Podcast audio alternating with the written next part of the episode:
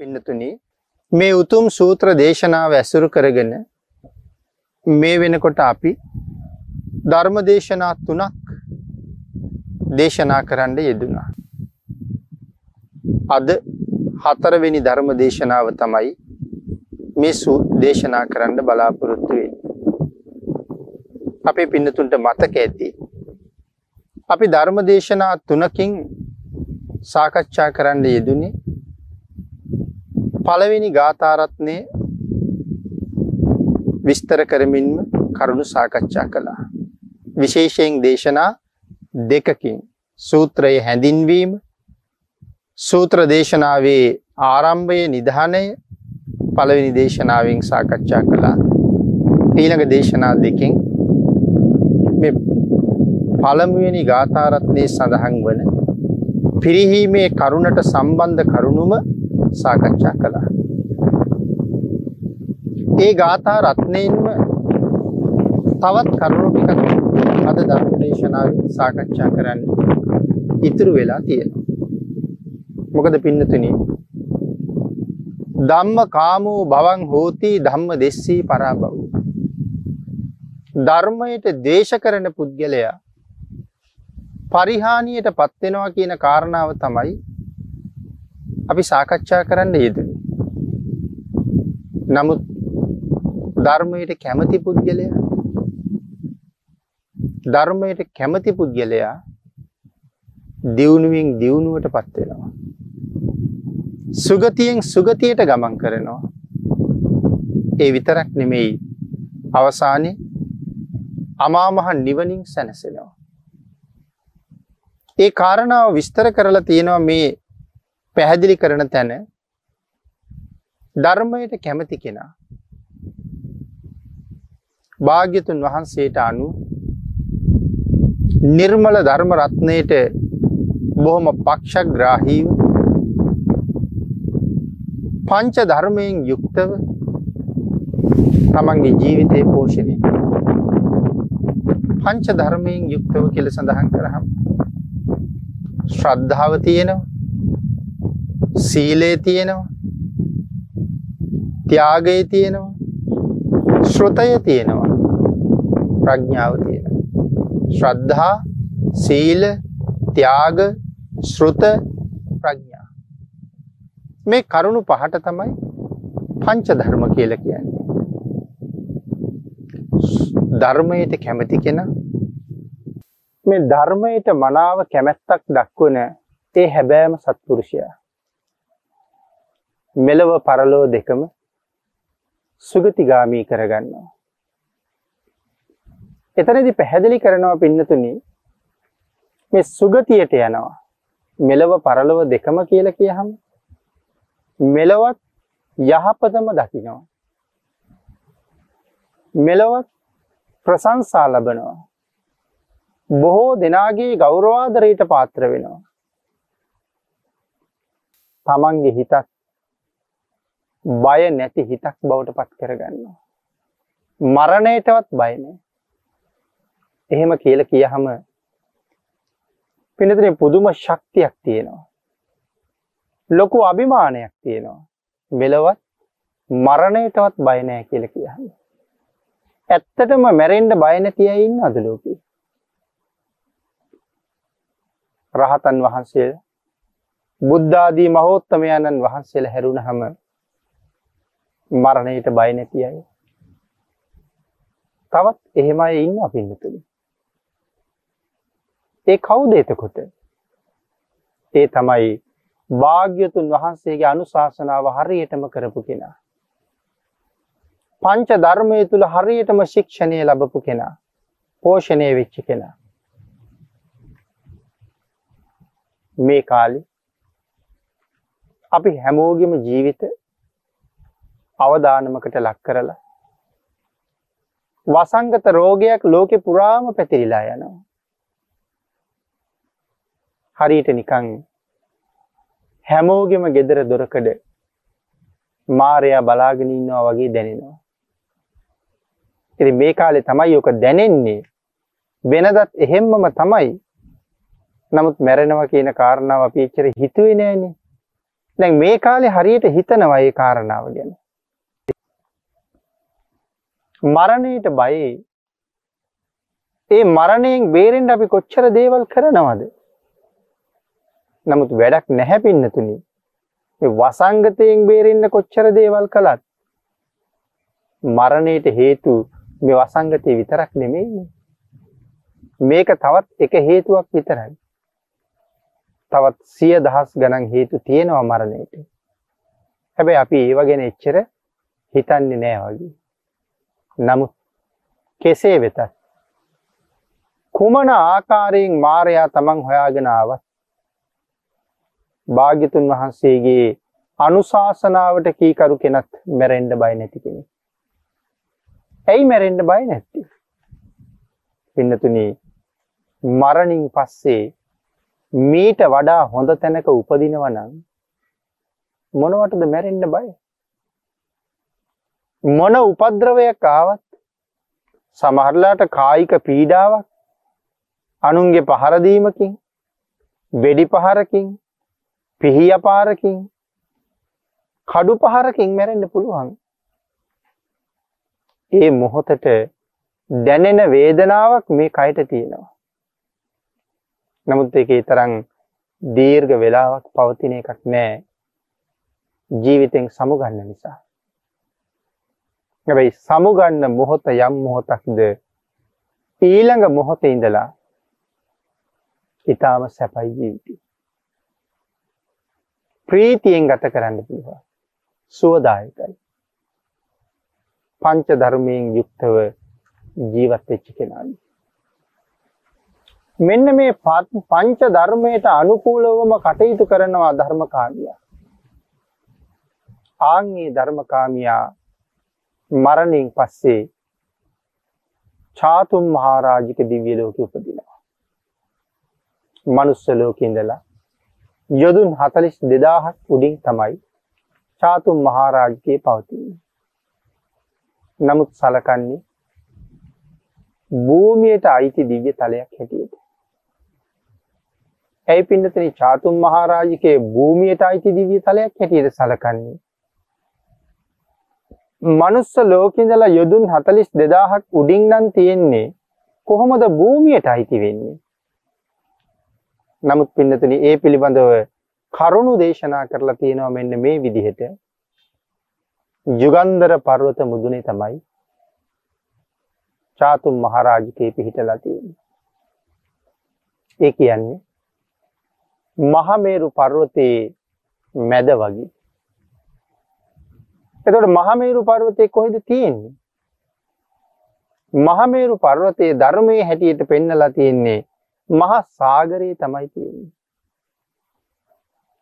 හැබැයි අපි කවුරුවත් දැකලා නැහැ. ධර්මයේම සඳහන් කරනවා දකින්න පුළුවන්කම තියෙන අභිඥාලාභීන්ට පමණයි කියලා.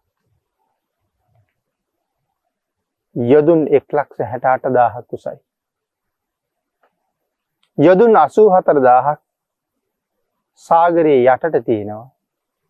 යොදුන් අසූ හතර දාහක් සාගරයෙන් උඩට තියෙනවා. එන සාගරයේ මතුපිට ඉඳලා ඉහළට යොදුන් හතලිස් දෙදාහක් ගියහම චාතුම් මහාරාජික දිව්‍ය තලයේ තියෙනවා. පිනතුනේ චාතුම් මහරජිකේ විතරක් නෙමෙයි තව්තිසාව තියෙන්නේ භූමියට අයිතිවයි කියලා සඳහන් කරලා තියෙනවා. මොකද තව්තිසාව තියෙන්නේ මහමෙර මුදුනේ. මනුස්ස ලෝකේ ඉඳලා යදුන් 84000ක් උඩින්. චාතුම් මහරජිකේ ඉඳලා යදුන් 42000ක් උඩින්. මහමේරු පර්වතයේ මුදුනේ. අයිති වෙන්නේ භූමියට. එතනින් එහාට තියෙන දිව්‍ය තල තමයි ආකාශස්ත කියලා හඳුන්වලා තියෙන්නේ. මහමේරු පර්වතයේ තියෙන්නේ මේ මහ පොළොවේ ඉඳලානේ. එහෙමනම් මහ පොළොවෙන් තවත් උඩට ඉස්සුන තැනක් මුදුනේ තමයි මේ දිව්‍ය තල දෙක තියෙන්නේ. භාග්‍යතුන් වහන්සේගේ සිරිපා ලාංඡනයේ පිහිටලා තියෙන සමනල ගල මුදුනේ. නමුත් මහ පොළොවේ සාමාන්‍ය අපි මිනිස්සු ගැවසෙන ප්‍රදේශයේ ඉඳලා සතපුම් කීපයක් උඩින් නමුත් සිරිපා කන්ද මහ පොළොවෙන් පටන් ගත්තේ. මහ මෙර මහ පොළොවෙන් පටන් ගත්තේ. ආන් ඒක නිසා භූමියට අයිති කියලා සඳහන් කරනවා මේ දිව්‍ය තල දෙකම. කෙසේ වෙතත් සිහිපත් කළේ චාතුම් මහරජික දිව්‍ය ලෝකේ උපදිනවා ධර්මකාමී. මනුස්ස වර්ෂයෙන් අවුරුදු ලක්ෂ 90ක ආයුෂයි. ධර්මකාමීන් මෙලවින් සමුගත්තට පස්සේ පෞතිසාවෙත් උපදිනවා. මනුස්ස වර්ෂයෙන් අවුරුදු තුන් කෝටි හැට ලක්ෂයක් ආවිෂය. ධර්මකාමීන් යාමයෙත් උපදිනවා. මනුස්ස වර්ෂයෙන් අවුරුදු දාහතර කෝටි හතලිස් ලක්ෂයක් ආවශ්‍යයි. ධර්මකාමීන් තුසිතයෙත් උපදිනවා. මනුස්ස වර්ෂයෙන් අවුරුදු පනස් සත් කෝටි හැට ලක්ෂයක් අවශ්‍යයි. ධර්මකාමීන් නිම්මාන රතියෙත් උපදිනවා. මනුස්ස වර්ෂයෙන් අවුරුදු දෙසිය තිස් කෝටි හතලිස් ලක්ෂයක් අවශ්‍යයි. ධර්මකාමීන් පරනිම්මිත වසවර්තයත් උපදිනවා. මනුස්ස වර්ෂයෙන් අවුරුදු නමසය විසියෙක් කෝටි හැට ලක්ෂයක් අවශ්‍යයි. සුගතියෙන් සුගතියට ගමන් කරනවා ධර්මකාමී කියල සඳහන් කළේ නිසා. එතනින් එහාට පින්නතුනේ බ්‍රහ්මලෝක කරාත් ගමන් කරනවා. දෙව්ලොව දෙව් සැප වින්ද විතරක් නෙමෙයි බඹලොව බඹ සැපත් විඳිනවා.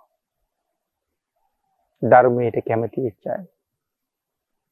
ධර්මයට ද්වේෂ කරපු අය නිරයෙන් නිරයට යමින් සතර අපායේ අති දීර්ඝ කාලයක් දුක් විඳිනකොට ධර්මයට කීකරු වෙච්ච අය අති දීර්ඝ කාලයක් මනා වූ සුවය භුක්ති විඳ සැපය භුක්ති විඳ දිව්‍යමය වූ පංචකාමයෙන් සතුටු වුණා.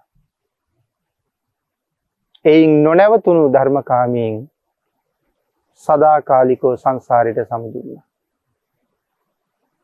එහෙමනම් ධර්මයේ හැසිරෙන්නා දියුණුවෙන් දියුණුවට පත්වෙන බවත් ධර්මයට දේශ කරන්නා පරිහානියට පත්වෙන බවත් දේශනා කරමින් පළවෙනි පරිහානියේ කාරණාව පිරිහීමේ දොරටුව ධර්මයට දේශ කිරීම භාගිතුන් වහස දේශනා කොට වදාළ. ධර්මයට එරෙහිවීම පිරිහීමේ දොරක්. මේ කාරණාව භාගිතුන් වහස දේශනා කරලා ඉවර වුණහම බුදුරජාණන් වහන්සේගෙන් පිරිහීමේ කරුණු විමසා සිටපු දිව්‍ය රාජයා නැවත භාග්‍යතුන් වහන්සේගෙන් අහනවා පළවෙනි දේශනාව පිළිබඳව අතිශයින්ම සතුටටපත් වෙලා ප්‍රීතියෙන් ප්‍රීතියට පත් වෙලා සාදුකාර පවත්වලා බුදුරජාණන් වහන්සේගෙන් අහනවා. ඉතිහේතං විජානාම පටමෝසෝ පරාබව් ဒ ුතියං භගවා බ්‍රූහි තං පරාභවතු මුකං ස්වාමීනි භාග්‍යතුන් වහන්සේ පිරිහීමේ පළවෙනි දොරටුව පිළිබඳව එසේ දේශනා කොට වදාලා ဒ ුතියං භගවා බ්‍රූහි. භාග්‍යතුන් වහන්සේ අනුකම්පාවෙන් දේශනා කරන සේක්වා දෙවනි පිරිහීමේ කාරණාව මොකක්ද කියලා. කිං පරා භෞතු මුකන් මොකක්ද ස්වාමීණි දෙවනි කාරණාව.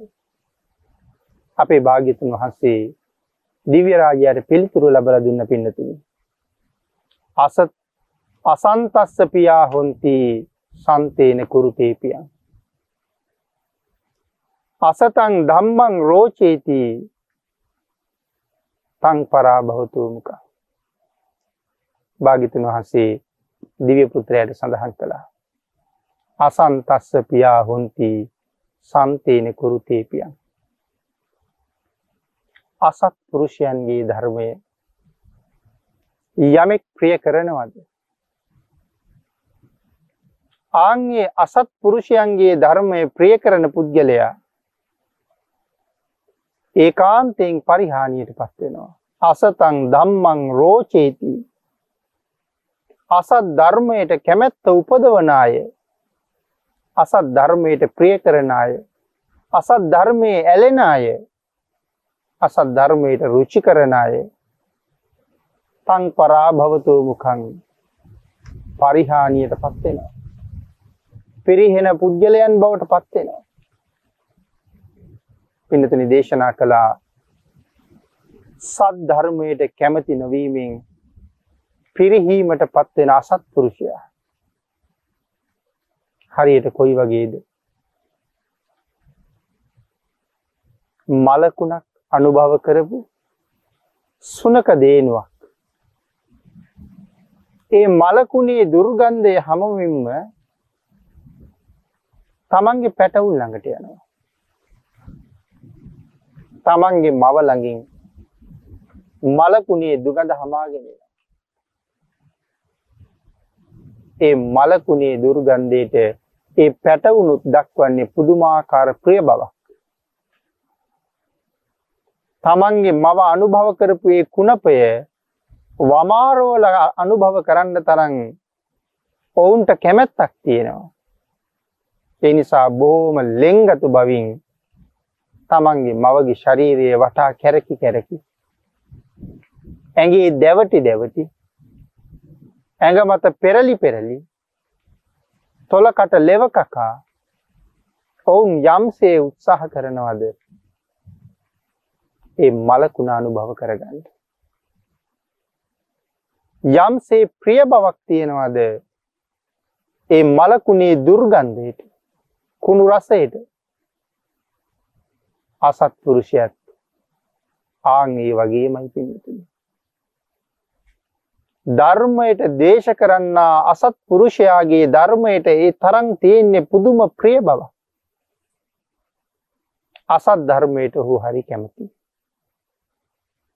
ධර්මය විවේචනය කරලා අසත් ධර්මය උළුප්පලා මෙයයි ධර්මය කියලා ඔහු පිළිගන්නවා වගේම තවත් බොහෝ දෙනෙක් අසත් ධර්මය පිළිගන්න උන් බවට පත් කරව ගණ්ඩත් මේ අසත් පුරුෂයාට තියෙන්නේ පුදුමාකාර වුවමනාවක් සහ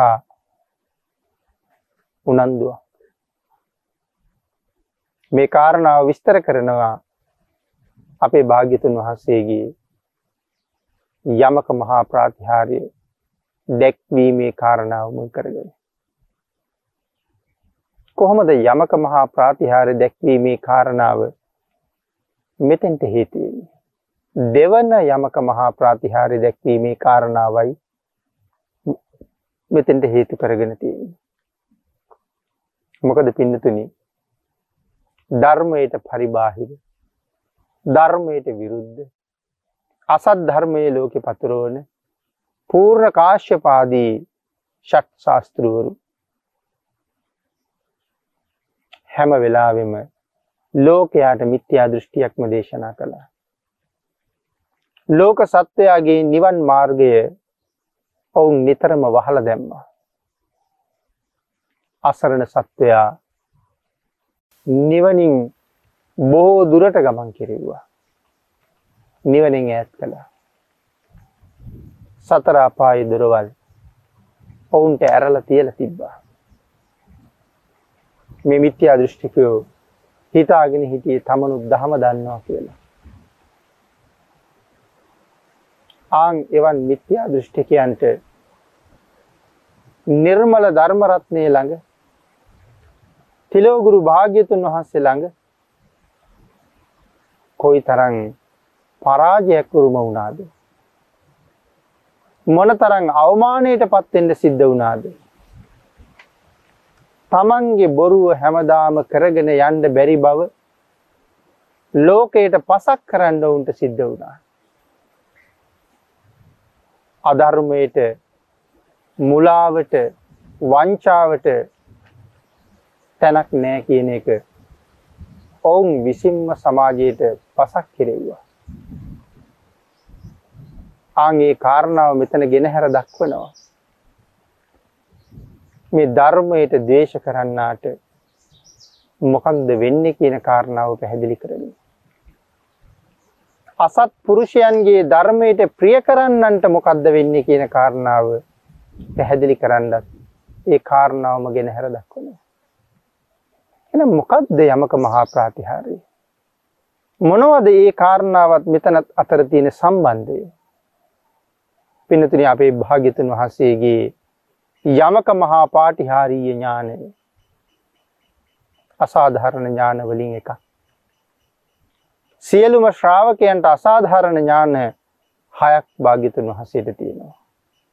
ඇයි ශ්‍රාවකයන්ට අසාධාරණයි කියල කියන්නේ.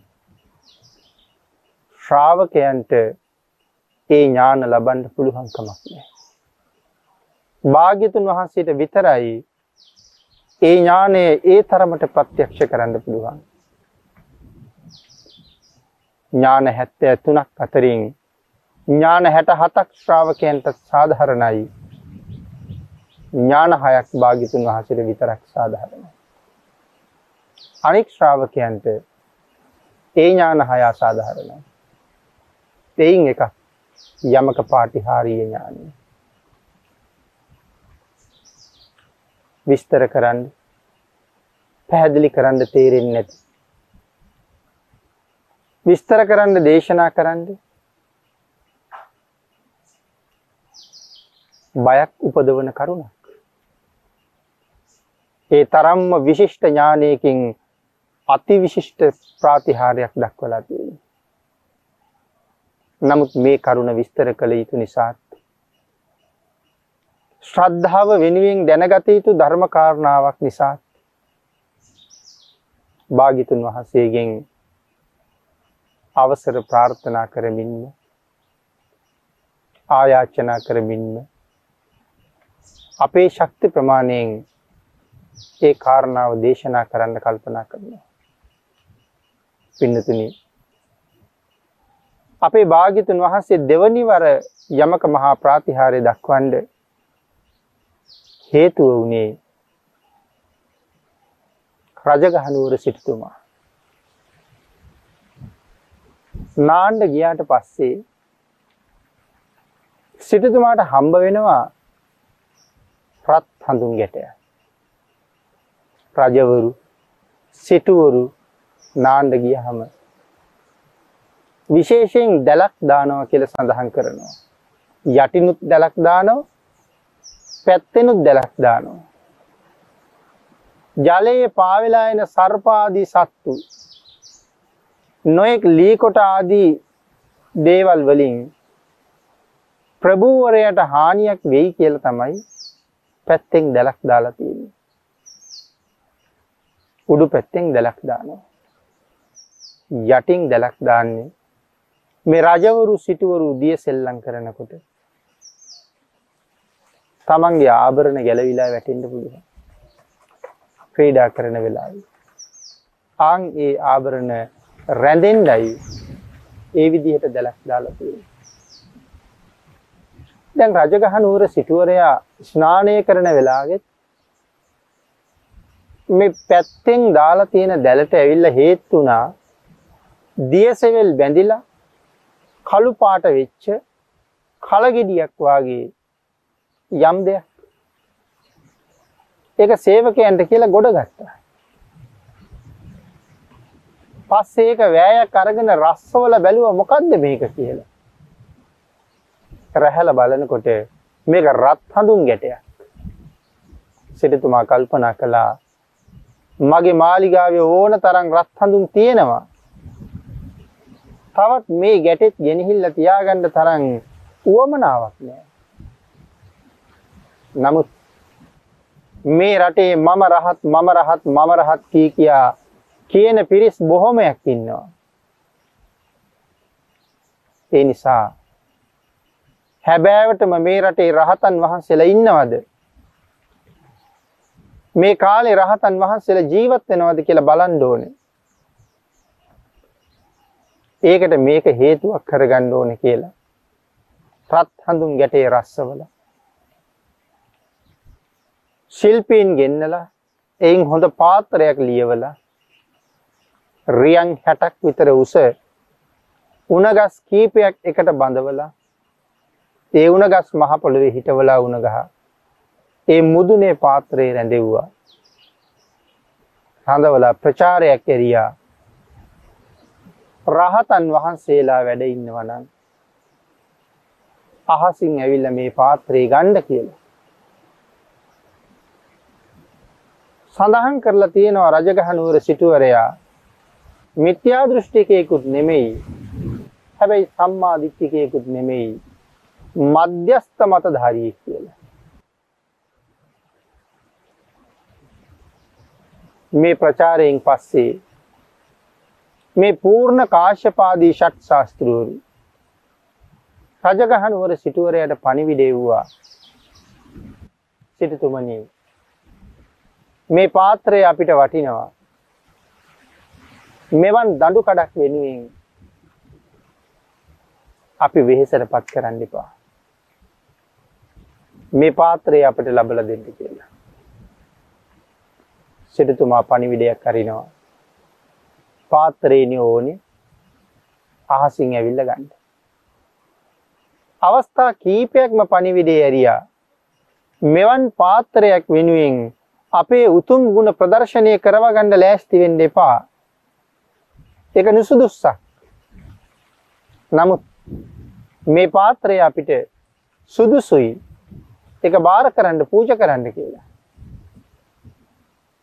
සිටතුමා කියනවනේ ඇවිල්ලා අහසින් අරගන්න. සුදුසුයි නම් කැමතියි නම් වටිනවා නම් රහත් නම් ඇවිල්ලා ගන්න. දවස් පහක් ඉක්ම ගියා. කවුරුවත් නැහැ.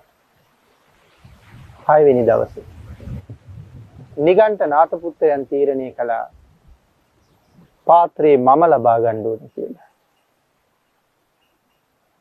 තමන්ගේ සේවකයන් ලව්වා. පෙර වගේම සිරිතුමාට පණිවිඩයක් යව්වා. නමුත් සිරිතුමාගේ අදහසේ වෙනසක් නෑ.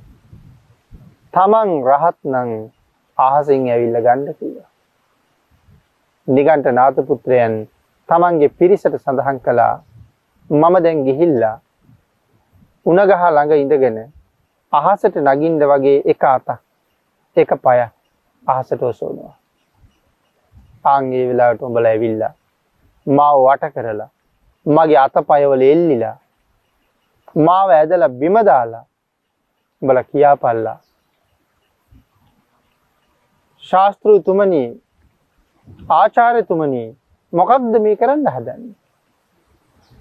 මේ වාගේ පාත්‍රා කඩක් වෙනුවෙන් ඔබ වහන්සේ සතු උතුම් රහත් බව ප්‍රදර්ශනය කරන්න ලෑස්ති වෙන්නේ ඇයි? මේ දඬු කඳට වඩා ඔය උතුම් ගුණය කොච්චර වටිනවද? නුසුදුසුයි එය කරන්න මෙවන් දෙයක් වෙනුවෙන් ඒ රහත් බව ප්‍රදර්ශනය කරන්න එපා කියලා උඹල මගේ ඇඟේ එල්ලින් ඉල්ල කියලා කිව්වා. සිටුතුමාටත් කතා කරලා එහෙනම් මම අහසට ගොඩ වෙනවා පාත්‍රය ගන්න නිගණ්ඨ නාථ පුත්තයන් එක පයක් එක අතක් අහසට එසෙව්වා කලින් දැනුවත් කරලා සාකච්ඡා කරගෙන තිබුණ විදිහටම සියලු දෙනාම ගිහිල්ලා නාතපුත්‍රයන්ගේ ශරීරයේ එල්ලුණා. ඔවුන්ගේ බරට නාතපුත්‍රයන්ද බිම වැටුණා. නාතපුත්‍රයන් කියනවා මහසිටිතුමනි පාත්‍රයේ ගණ්ඩයි සූදානන් වුණේ. නමුත් මොවුන් මට අවස්ථාව දෙන්නේ නැත්තම් මම මොකද කරන්නේ? හැබැයි මොවුන් කියන කතාවෙත් ඇත්තක් තියෙනවා. එවන් උතුම් ගුණයක් මෙවන් පාත්‍රයක් වෙනින් ප්‍රදර්ශනා කරන එක ප්‍රදර්ශනය කරන එක තරම් හොඳ නෑ. ඒ කතාව ඇත්ත. අපි තව වෙහෙසට පත් කරවන්න එපා.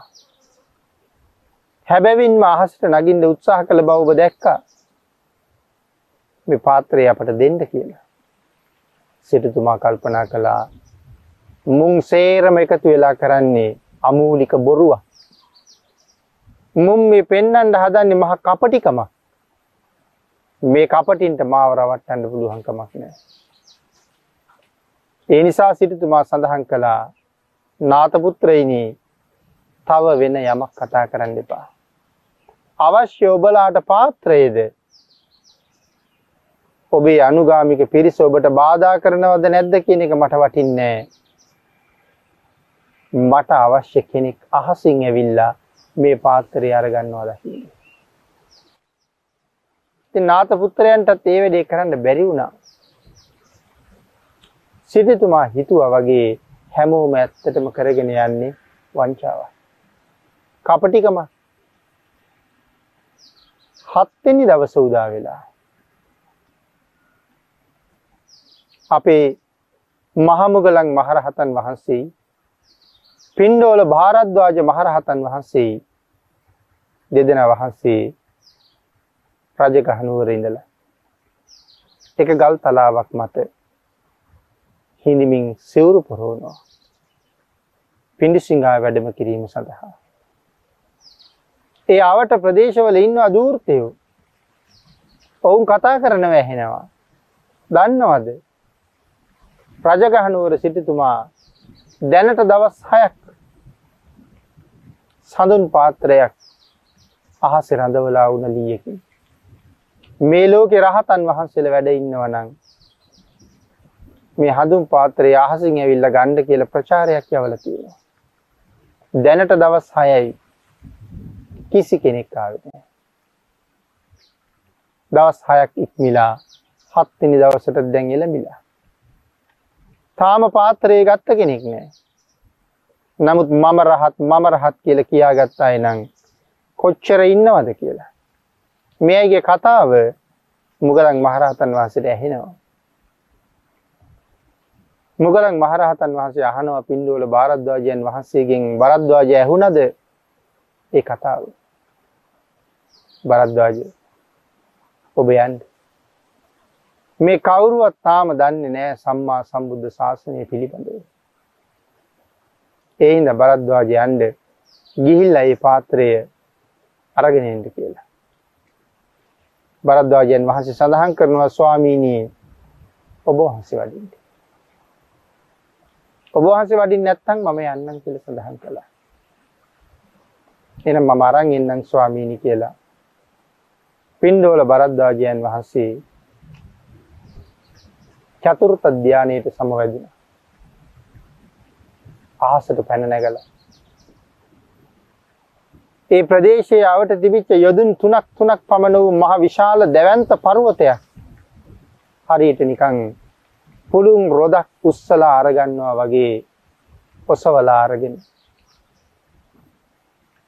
රජගහනුවර අහසේ මේ ගල් තලාව රැඳීවා.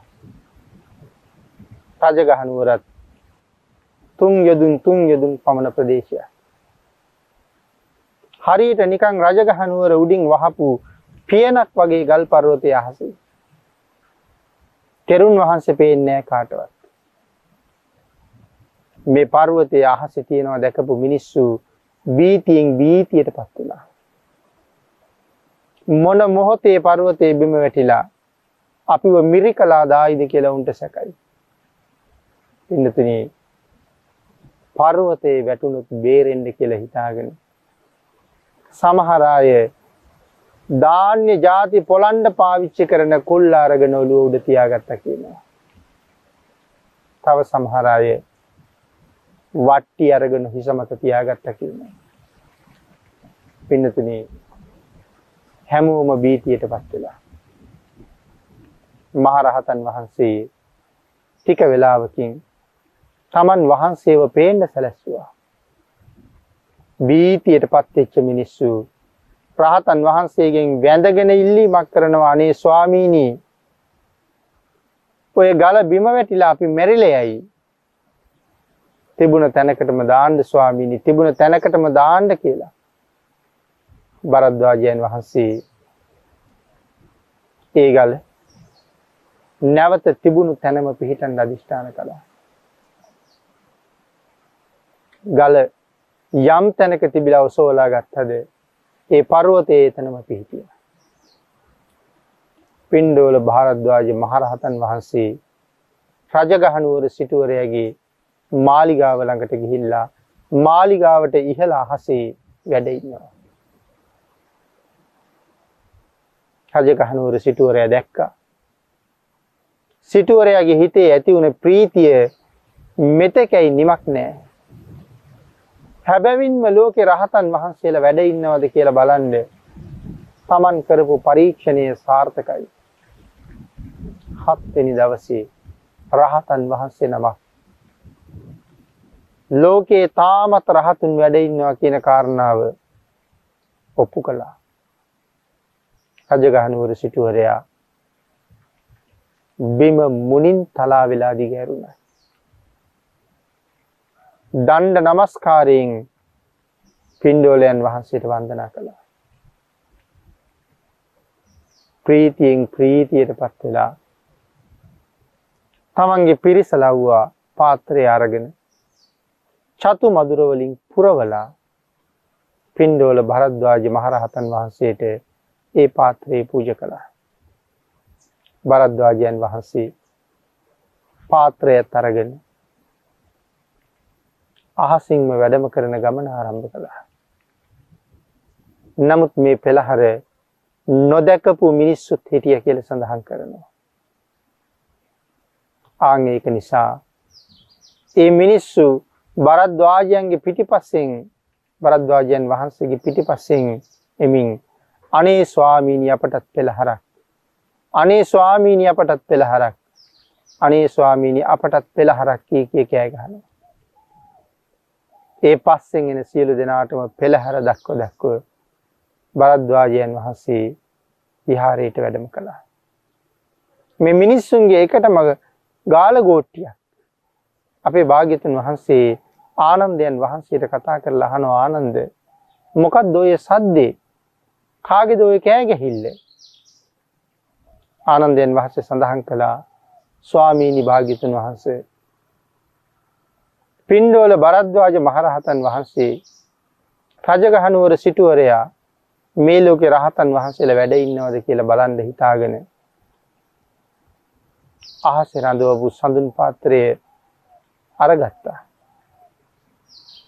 උන්වහන්සේ ඒවෙන්මින් දක්වපු ප්‍රාතිහාරය දැකපු මිනිස්සු නැවත නැවත ඒ ප්‍රාතිහාරය බලන්න කැමැත්තෙනුත් නොදකපු මිනිස්සු ප්‍රාතිහාරය බලන්න තින කැමැත්ත නිසාත් පින්ඩෝලයන් වහන්සේගේ පිටිපස්සෙන් අපටත් ප්‍රාතිහාරයක් අපටත් ප්‍රාතිහාරයක් කිය කියා දිවගෙනනවා ස්වාමී. ඒ කාරණාව දැනගත් අපේ භාගිතන් වහන්සේ පින්ඩෝල භාරද්වාජ මහරහතන් වහන්සේට පණිවිඩයක් යව්වා. භාගිතුන් වහන්සේ මුණ ගැහෙන්ඩෙන්ට කියලා. රාතන් වහන්සේ වැඩියට පස්සේ බුදුරජාණන් වහන්සේ ඇහුවා බරද්වාජය හැබෑද ප්‍රාතිහාරයක් දැක්වා කියල කියන්නේ. එහෙමයි ස්වාමීන් භාගිතුන් වහස දේශනා කරනවා බරද්වාගේ ඒක නිසුදුසුයි. ඒක නොකළ යුතුයි.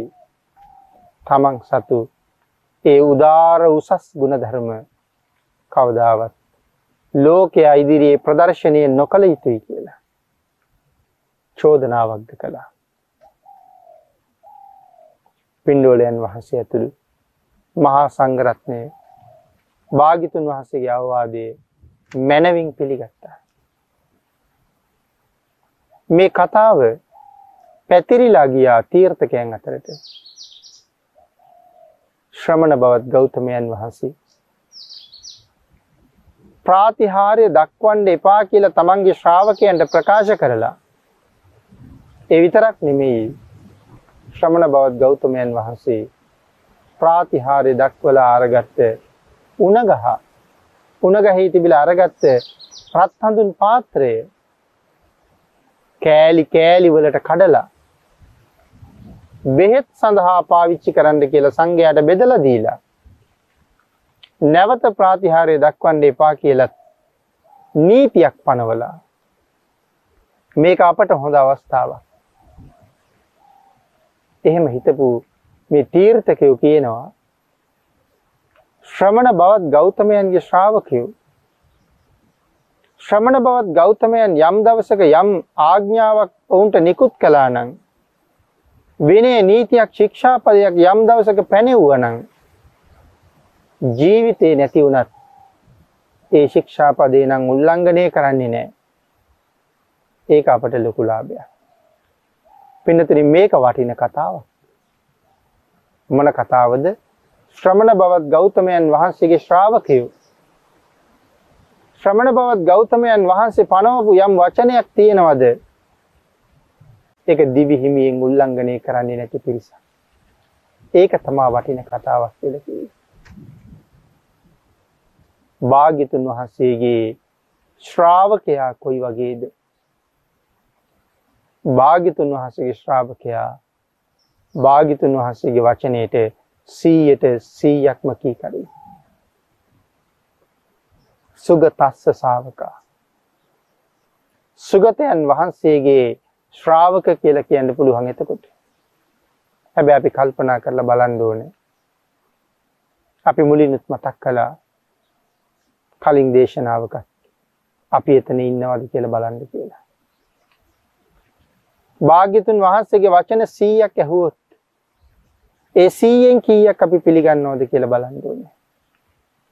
හැබැයි හැබැයිම ශ්‍රාවකයා වෙන්නේ 100ට 100ක්ම පිළිගත්ත කෙනා. තීර්ථකයෝ ඒකයි මේ සඳහන් කරන්නේ.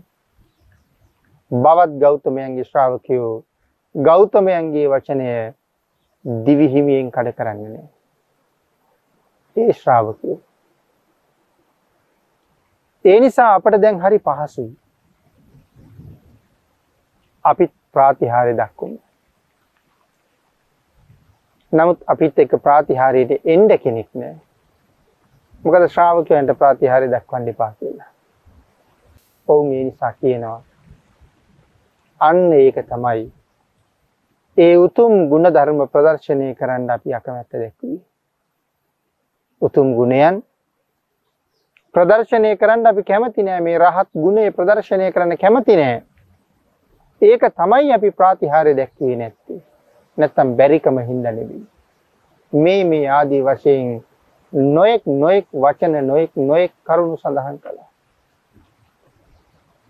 ශාසනයට නිന്ദා අපහාස කරන්න චෝදනා කරන්න ඔවුන් උත්සුක වුණා. පින්නතුනි නමුත් අපේ භාග්‍යතුන් වහන්සේ පණිවිඩයක් කියවුවා. ප්‍රචාරයක් ප්‍රචාරයක් ගියා භාග්‍යතුන් වහන්සේගේ ප්‍රකාශයක් ගැන දැන් තීර්ථකව මේ විදිහට ප්‍රකාශ කරන නිසා භාග්‍යතුන් වහන්සේ තීරණය කළා මම ප්‍රතිහාර දක්වනවා. ශ්‍රාවකයන්ටයි ප්‍රතිහාර දක්වන්න එපා කිව්වේ. නමුත් භාග්‍යතුන් වහන්සේ ප්‍රතිහාර දක්වනවා. ඉතින් මේ කාරණාව පින්නතුනේ බිම්බිසාර මහරජුරවන්ටත් ආරංචි වුණා. රජුරු ගිහිල්ලා බුදුරජාණන් වහන්සේගෙන් ඇහුවා ස්වාමීනි ශ්‍රාවකයන්ට ප්‍රාතිහාර්ය දක්වන්න එපා කිව්වද කියලා. භාග්‍යතුන් වහන්සේ දේශනා කළා ඔව් මහරජා. පින්නතුනි රජුරු අහනවා ස්වාමීනි ශ්‍රාවකයන්ට ප්‍රාතිහාර්ය දක්වන්න එපා කියලා භාග්‍යතුන් වහන්සේ ප්‍රාතිහාර්ය දක්වනවද? එතකොට එහෙම හොඳයිද? බුදුරජාණන් වහන්සේ මේ වෙලාවේ බිම්බිසාර රජුරුවන්ගෙන් ප්‍රශ්නයක් අහනවා. ධර්ම දේශනාවට තියෙන කාලේ නිමා වෙලා නිසා පරාභව සූත්‍ර දේශනාව ඇසුරින් සිද්ධ කරන හතරවෙනි ධර්ම දේශනාව අපි මේ විදිහට නිමා කරමු. බිම්බිසාර මහරජුරුව බුදුරජාණන් වහන්සේගෙන් අහපු ප්‍රශ්නයත් භාග්‍යතුන් වහන්සේ මහරජුරුවන්ට දුන්න පිළිතුරත් භාග්‍යතුන් වහන්සේ කොයි කාලේ යමක මහා ප්‍රාතිහාර්ය දක්වනවද? ඒ ප්‍රාතිහාර්ය මොන වගේ ආශ්චර්යමත් ප්‍රාතිහාර්යයක්ද කියන බවත් අපි ඊළඟ ධර්ම දේශනාවෙන් සාකච්ඡා කරමින් මේ ප්‍රාතිහාර්ය තුල භාග්‍යතුන් වහන්සේට විරුද්ධ වෙන්න උත්සාහ කළ තීර්ථකයන්ට උනේ මොකද්ද? ධර්මයට ද්වේෂ කර කර කටයුතු කරපු තීර්ථකයන්ගේ වෙනසීම ධර්ම දේශී පුජ්‍යලයාගේ සැබෑ ස්වභාවයම බව පැහැදිලි කරමින් ඉදිරි දේශනාවේදී අපි කරුණු සාකච්ඡා කරමු.